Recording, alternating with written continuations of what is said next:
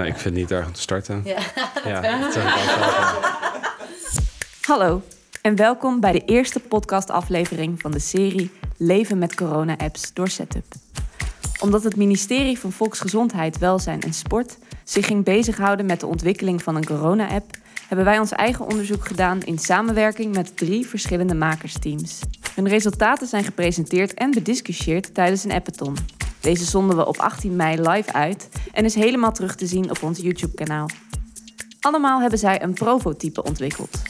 Prototype omdat ze provocerend bedoeld zijn om de thema's, pijnpunten en valkuilen van de corona-apps in kaart te brengen. En de vraag te stellen of we deze apps wel moeten willen als samenleving.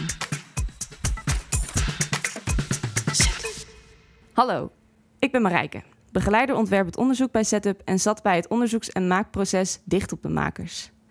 In dit gesprek gaan we dieper in op het onderwerp en onderzoek samen met een van de drie teams. Ze zullen zich even aan je voorstellen. Dorian Kingma eh, en Meerte Krepel, jullie zijn samen Smelt. En Tom Schouw. En laten we daar maar eens bij beginnen. Dankjewel Marijke voor die eh, leuke introductie. Eh, ik ben Tom Schouw, begin 2020 afgestudeerd aan de Willem de Koning, de Kunstacademie in Rotterdam. En eh, ik maak eh, speelse concepten en interactieve installaties als ontwerper en kunstenaar. En daarmee probeer ik complexe hedendaagse begrippen aan de kaak te stellen. Ehm, overheidsorganisaties, universiteiten, bedrijven, musea's kunnen deze installaties gebruiken om, complexe, om deze complexe onderwerpen eh, aan hun publiek te presenteren. En daarbij kunnen ze zelf een gefundeerde mening vormen over dit soort moeilijke onderwerpen. Wat voor moeilijke onderwerpen heb je het dan over? Eh, net als setup ben ik ook zwaar geïnspireerd door privacy. Ehm, ja, persoonsgegevens, dat is sowieso een heel breed onderwerp. Eh, maar ook eh, de invloed van AI op ons, op ons leven. Ehm, en de laatste tijd dus ook over corona. Daarnaast zitten we hier met Dorian en Meerte, die samen Smelt zijn. En kunnen jullie wat over jezelf vertellen en over wat jullie samen doen als Smelt? Ja, oké, ik ben Meerte en we, samen zijn we dus Smelt en maken we ruimte voor gesprek. En dan in de breedste zin van het woord. Dus eh, ruimtes waarbinnen mensen bepaalde onderwerpen kunnen verkennen. Ehm, waarbij we ze het liefst twijfelend eh, weg laten lopen. Dus waarvan je denkt, oké, ik, ik sta eigenlijk bijvoorbeeld wel zo in het thema drugs. eh, of ik sta zo in het thema seksualiteit of, of intimidatie. Ehm, willen we mensen na onze installatie, na onze gesprekken... een beetje laten lopen van, hmm, ik weet niet meer zeker hoe ik dacht over al deze dingen. Ja, goed verteld. Ja, ik ben Dorian en eh, ik doe dat ook samen met Meerte. En jullie zijn, eh, jullie kenden elkaar niet. Jullie hebben elkaar ook in het hele proces, nou ja, ik ken Meerte en Dorian natuurlijk wel, maar jullie hebben Tom ook helemaal niet live gezien. We hebben namelijk dit project opgezet toen we al allemaal in eh, een soort lockdown zaten. Mhm, allemaal in de Zoom. Ja, in een groot Ja. Zoom-gesprek. En toen zijn jullie eh, op basis van eerste fascinaties en thema's aan elkaar gekoppeld eigenlijk. Kunnen jullie me wat uitleggen over die eerste thema's en fascinaties waarmee jullie aan tafel kwamen? Ja, het project, eh, de vraag was natuurlijk van, nou, de- de- er gaat zo'n corona-app komen. Dat werd groot aangekondigd. Mhm, Hugo de Jonge wou per se een eh, Ja. corona-app met tracering. Want dat zou de gouden oplossing Ja, zijn. met track and trace inderdaad. volgens onze minister van Welzijn en Sport. Ja, en volksgezondheid. En volksgezondheid, ja. Ja, ja. Dank je. En ehm, nou, ik denk waar wij eh, door gefascineerd waren is eh, eh, het, eh, ja, de schijnveiligheid van zo'n track-and-trace app. Want het idee wat er toen lag en niet ver uitgewerkt was dat eh, door middel van Bluetooth eh, en er werd er afstand bepalen en de tijd werd dan bepaald. En aan de hand daarvan zouden ze zogenaamd kunnen aflezen of je besmet was met corona of niet. Ehm, terwijl als je daar goed over na gaat denken en goed naar gaat kijken en gaat kijken hoe een virus van mens tot mens eh, overgedragen wordt, dan kan je met die, die paar parameters die op dat moment op tafel lagen niet meten of iemand besmet is. Ja. Dus wij waren gefascineerd door ja, de schijnveiligheid van Ja, het is Ja. blindelings vertrouwen Ja. hè? In, in data. Een soort van, het- de app zegt het, dus het is waar. En heel weinig ruimte voor, eh, voor en interpretatie, maar ook voor eh, verkeerde aannames die data kan doen. Het is niet een soort absoluut gegeven waar data vandaan komt natuurlijk. Kunnen jullie me uitleggen, om meteen even helemaal naar het einde te gaan, wat uiteindelijk jullie werk geworden is, wat hier uitgekomen is? Ehm, met Patrona laten we data eigenlijk voor je spreken. En wat we doen is we zetten de dubbelzinnigheid van data eigenlijk die vergroten we en die zetten we in. Want we willen mensen kritisch laten nadenken over hoe serieus we die data willen nemen eigenlijk. Dus bij Patrona kan je eh, een aantal vragen beantwoorden. En dat is dan, uh, die gaan over de maatregelen. Dus hoe ga jij om met de maatregelen? Dus was jij vaak je handen? Ehm, ga jij veel naar buiten? Dus er wordt, als je zegt vaak, ja, dat kan voor mij tien keer zijn, maar dat kan voor Dorian vijf keer zijn. En voor Tom is dat is één keer al heel vaak.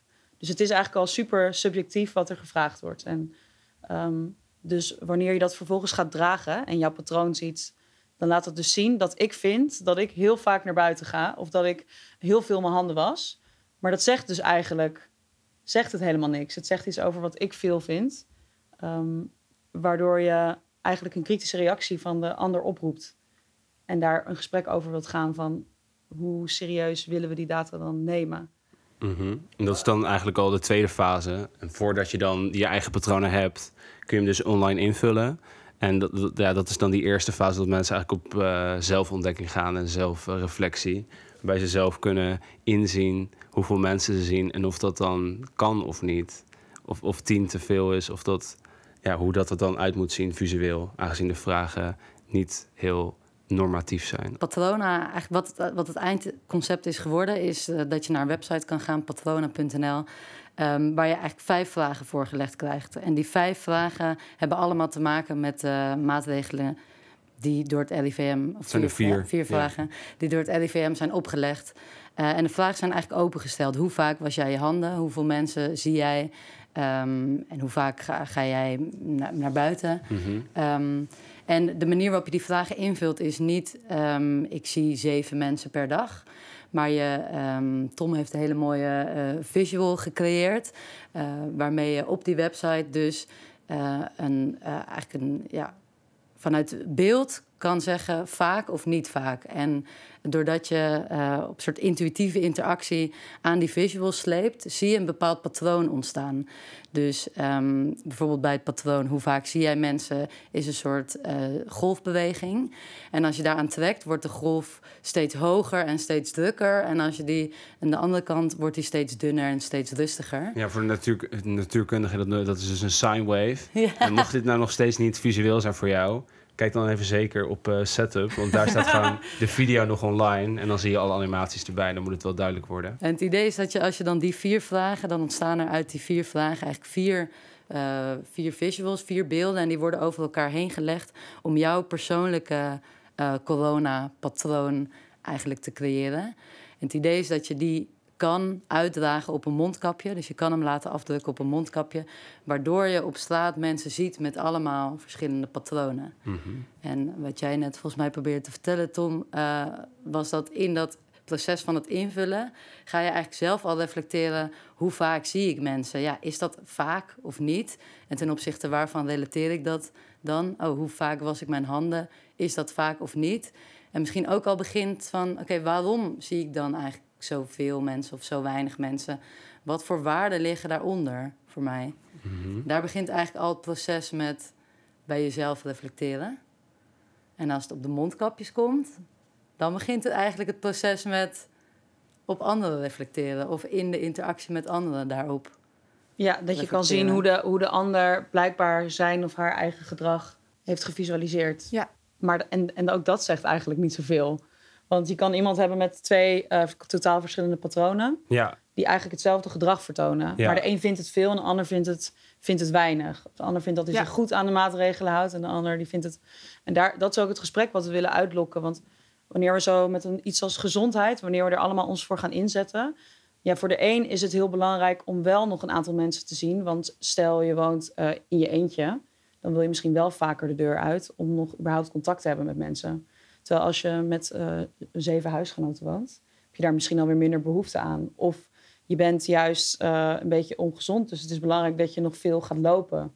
Dus we proberen dan eigenlijk, wanneer we nu die gezondheid heel erg afkaderen als zorg dat je niet besmet wordt, willen we eigenlijk verder veel breder trekken. Dat je ook de mentale aspecten meeneemt. Uh, het contact met mensen, wat ook invloed heeft op hoe jij je voelt en of je gezond bent of niet.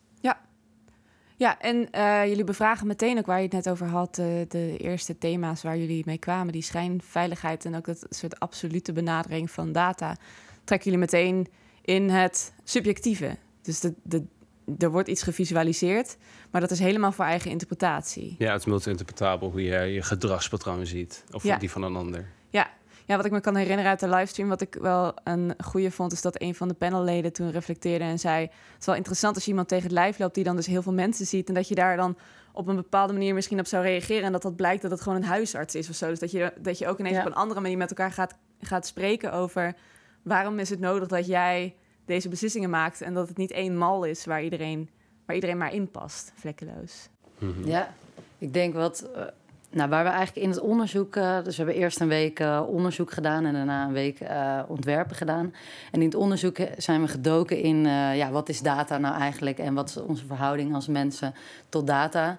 En toen kwamen we eigenlijk achter dat, nou, waar we het net ook al over hadden, van hoe belangrijk we data maken, hoe blindelings we daarachter aanlopen, dat geloven. Dat was ook het gevaar wat we zagen met die corona-app. Van als daar staat besmet, dan, ga je besmet, dan denk je, ik ben besmet, je gaat in full lockdown. Terwijl als je Ik ben vervolgens... niet besmet en ik ga lekker eh, Ja. de hele wereld ontdekken. Precies, dat Mhm. tegenovergestelde inderdaad. Eh, terwijl als je wat meer in data gaat, gaat kijken, gaat duiken, dan zie je eigenlijk hoe erg vaak platgeslagen data is. Als je het vergelijkt met het, ehm, zeg maar, het ding wat het representeert. J- jij kan dat goed eh, uitleggen. Ja, dus, dat was, dus wanneer we er inderdaad in gingen duiken, wanneer we iets gaan, gaan meten, om het te kunnen meten, moet je het gaan afkaderen. Moet je het gaan definiëren. Ja. En vooral wanneer je zulke abstracte concepten eigenlijk gaat, gaat afkaderen, worden er heel veel keuzes in gemaakt. Wat het dan, Ja, gaat er wanneer je iets gaat definiëren, zijn het andere dingen niet. Dus het sluit Ja, andere dingen Dus de uit. nuance gaat verloren, Ja. alles in de raveranden gaat verloren. Ja. Ja. ja, precies. En dan vervolgens vergeten we dus, want dan nemen we dat als een soort waarheid aan. Dan vergeten we wat voor keuzes er eigenlijk allemaal in zijn gemaakt om dat, om dat begrip meetbaar te maken of om dat ding meetbaar te maken en te kunnen, daar iets over te kunnen zeggen. Dus we- daardoor hebben we dat juist weer expres heel erg teruggebracht. Die hele subjectiviteit, ja. die dubbelzinnigheid, die Ja. er eigenlijk wel in zit, maar die we helemaal niet meer zien, omdat we al zoveel stappen verwijderd zijn van, van wat het ooit was. Dus we zien uiteindelijk zien we alleen nog een grafiek. En is er een, nou, net als met intelligentie bijvoorbeeld ook. Ja. Dat hebben we tot ook tot een nummer teruggebracht. Ja. En dat zien we als een bepaalde abstracte manier van denken, waarin je reeksen moet afmaken, bijvoorbeeld. Terwijl je ook, eh, terwijl intelligentie ook hele andere vormen heeft, maar die sluit je daar eigenlijk meteen mee uit, omdat je alleen dat gedeelte meet. Ja. Ja, dus met intelligentie hebben op een gegeven moment mensen bepaald... oh, je bent intelligent als je een hoog IQ hebt. Maar in IQ hebben ze dus besloten... oh, je bent intelligent als je abstracte verbanden kan zien. Daar heeft dan vervolgens iemand allemaal vragen bij bedacht. En daar, als je die vragen dan maakt... dan komt er een nummer uitgerold.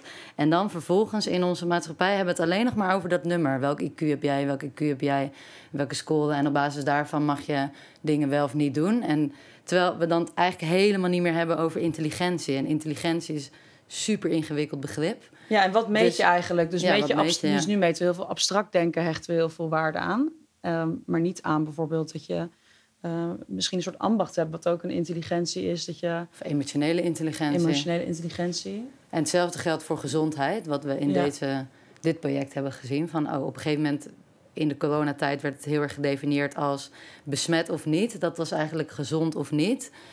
Terwijl eh, voor iedereen is gezondheid op een hele andere manier gedefinieerd. Sommige mensen worden gek als ze geen andere mensen zien.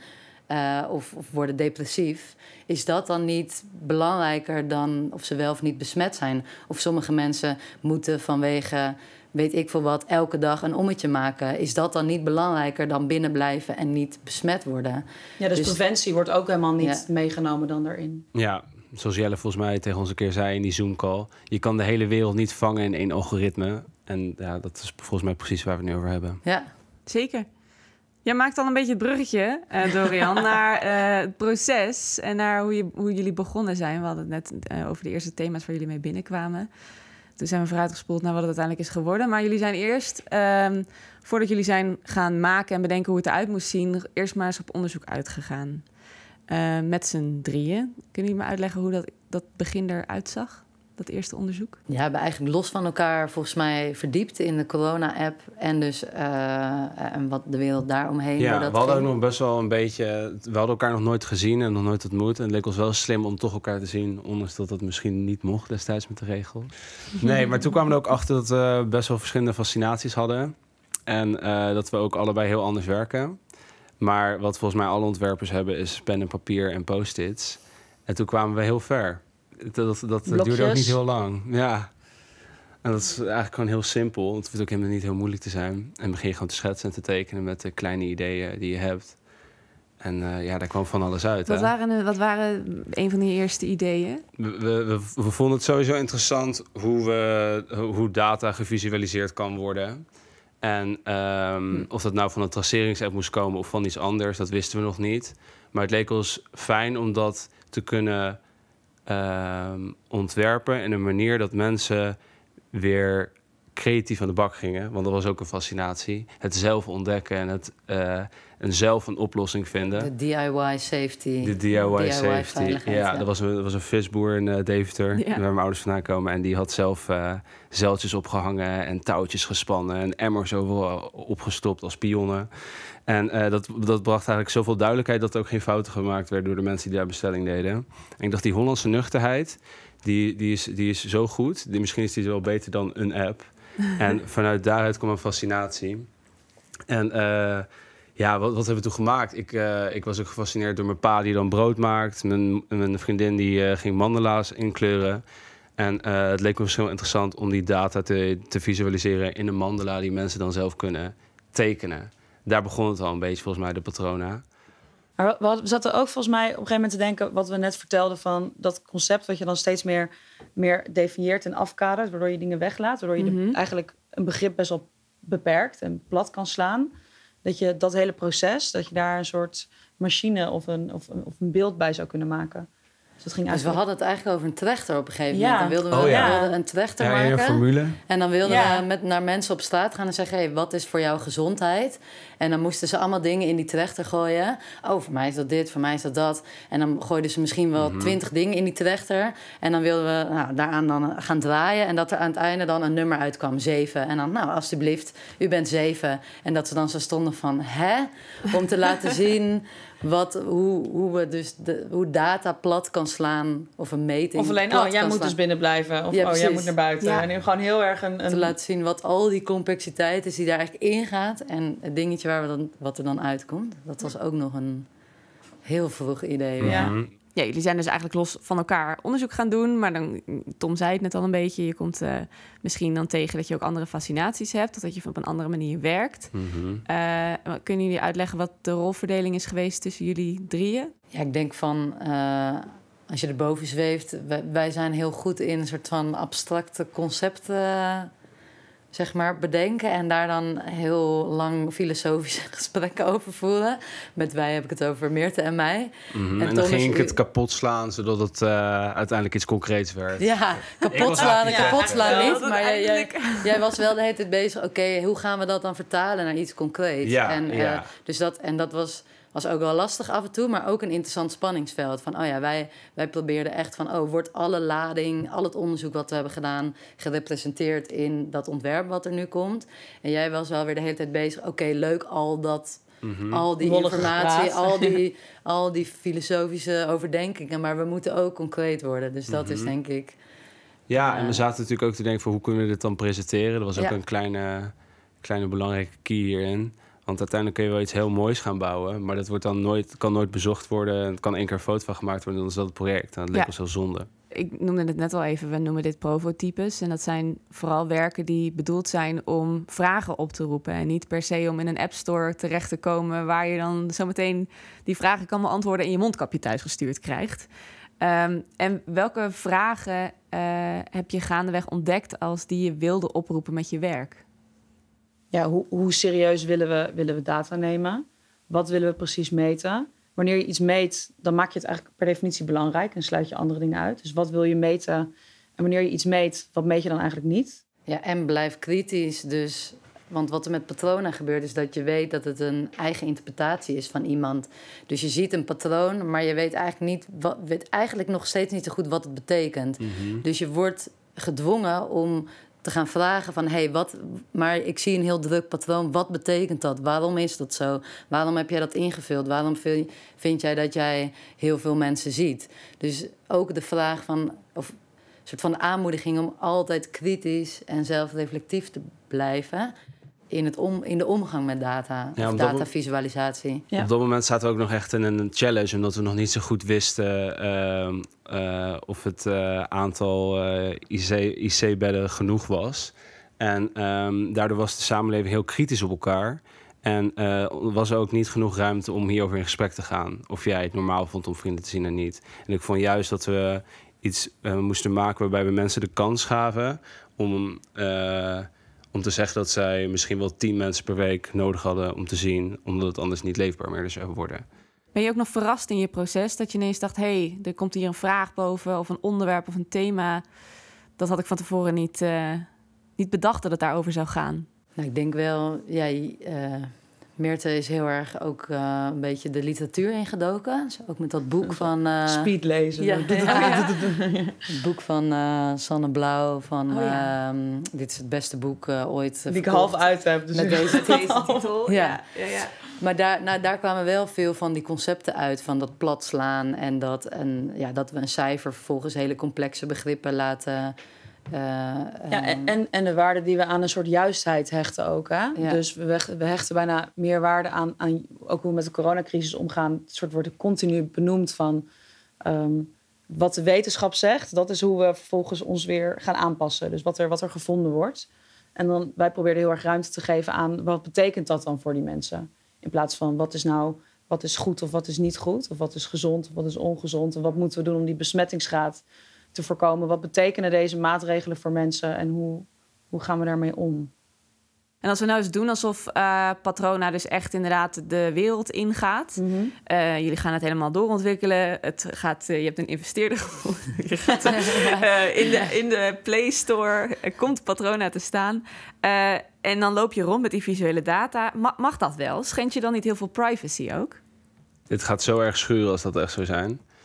Ehm, kijk, online is natuurlijk totaal anoniem, maar het dragen wordt dan, eh, is dan je eigen keus.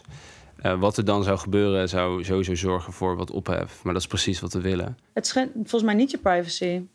Het is volledig, het is, het is juist heel transparant, want je, het zegt niks. Jij bepaalt eigenlijk je patroon. Dus jij kan aan je patroon slepen hoe, hoe, hoe- hoeveel mensen zie je. En je sleept aan je patroon. Jij mag zelf invullen. Druk patroon, rustig patroon. Eigenlijk heb jij alle, alle zeggenschap. Vervolgens heb je ook nog zelf de keuze of je dat wil uitdragen of niet.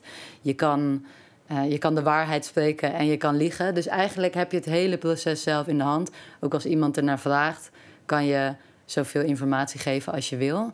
Dus ik denk dat juist eigenlijk we hebben geprobeerd van dat jij helemaal in charge bent van wat jij, welke informatie je wil visualiseren. En, en, eh, Ja. kan je er altijd uitlullen, want je kan een soort van normaal, als, als iets van jou gemeten wordt, dan heb je op een gegeven moment, eh, dan is het oké, ik zag dat jij eh, daar en daar iets hebt afgerekend. Jij was daar. Weet je wel, dat is, daar je is niet geen spel tussen te krijgen. Ja, Hier zijn heel veel spelden tussen te krijgen. Ja. Een soort van, ja, oh, ik zie dat jij heel veel mensen ziet. Oh ja, maar dat betekent voor mij betekent dat eh, twee mensen. Dat vind ik ook veel. Dus je hebt altijd nog, je hebt altijd nog een weg uit. Maar het gaat ook niet over of dat dan waar is of niet. En hoeveel het is. Maar het gaat erover wat, wat, wat, wat jij nodig hebt om dan je gezond te voelen in dit geval. het is nu allemaal achter de rug.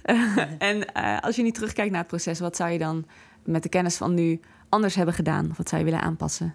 Nou ja, waar we het dus net over hadden in de trein, is dat we, we hadden dat filmpje eh, op onze Instagram gezet van Tom en van Smelt. En dat we best wel mensen vroegen van, oeh, waar kan ik het, waar kan ik het, jullie Ik het website nu doet het invullen. niet. Waarom doet het website niet? doet het niet, Ik ja. wil hem nu invullen. Hoezo kan het niet? En dat werd voor, dacht ik wel heel erg van, oh ja, dat is wel heel interessant, want we willen eigenlijk heel graag bepaalde vragen oproepen. Ehm, maar waarschijnlijk is, hebben we het op zo'n manier hebben we het gepresenteerd dat het zo echt lijkt dat mensen vooral vragen waar, waar kan ik het oproepen of waar kan ik het, waar kan ik het bestellen en waarom werkt het niet. Dus dat we eh, in de presentatie hadden kunnen overwegen hoe kan je meer het feit dat het speculatief en prototype is, zou je dat nog beter kunnen benadrukken. Ja. Dus in plaats van dat het waar kan ik het bestellen is, wat eigenlijk niet een heel interessante reactie is. Niet een hele interessante Wel leuk, wel leuk dat een mensen dat willen. Ja, Zeker. Maar niet waar het voor bedoeld is natuurlijk. Ja. Van dat Ja. de eerste vraag is die het oproept, waar kan ik het bestellen? Maar willen mensen na laten denken over, oh, maar wa- waarom laten we het eh, waarde, waarom, Ja. eh, waarom, weet je al? Ja. Die vragen waar we het net allemaal over hadden. Dus het heeft heel erg met de presentatie van het concept te maken. Ja, dan ga ik hem afsluiten, denk ik. Jongens, hartstikke bedankt. voor alle input en eh, voor al jullie eh, eh, verhalen. En ik denk dat we een eh, nou ja, interessant iets hebben verkend met elkaar. Ja, zeker. Leuk dat je luisterde. Dit was de eerste aflevering van de podcastreeks Leven met corona-apps van Setup. Leuk dat je luisterde. En groot dankjewel nogmaals aan Dorian Kingma en Meerte Krepel van Smelt en Tom Schouw. Tot volgende keer. Houd ons in de gaten op sociale media, via ons YouTube-kanaal en natuurlijk via onze website www.setup.nl.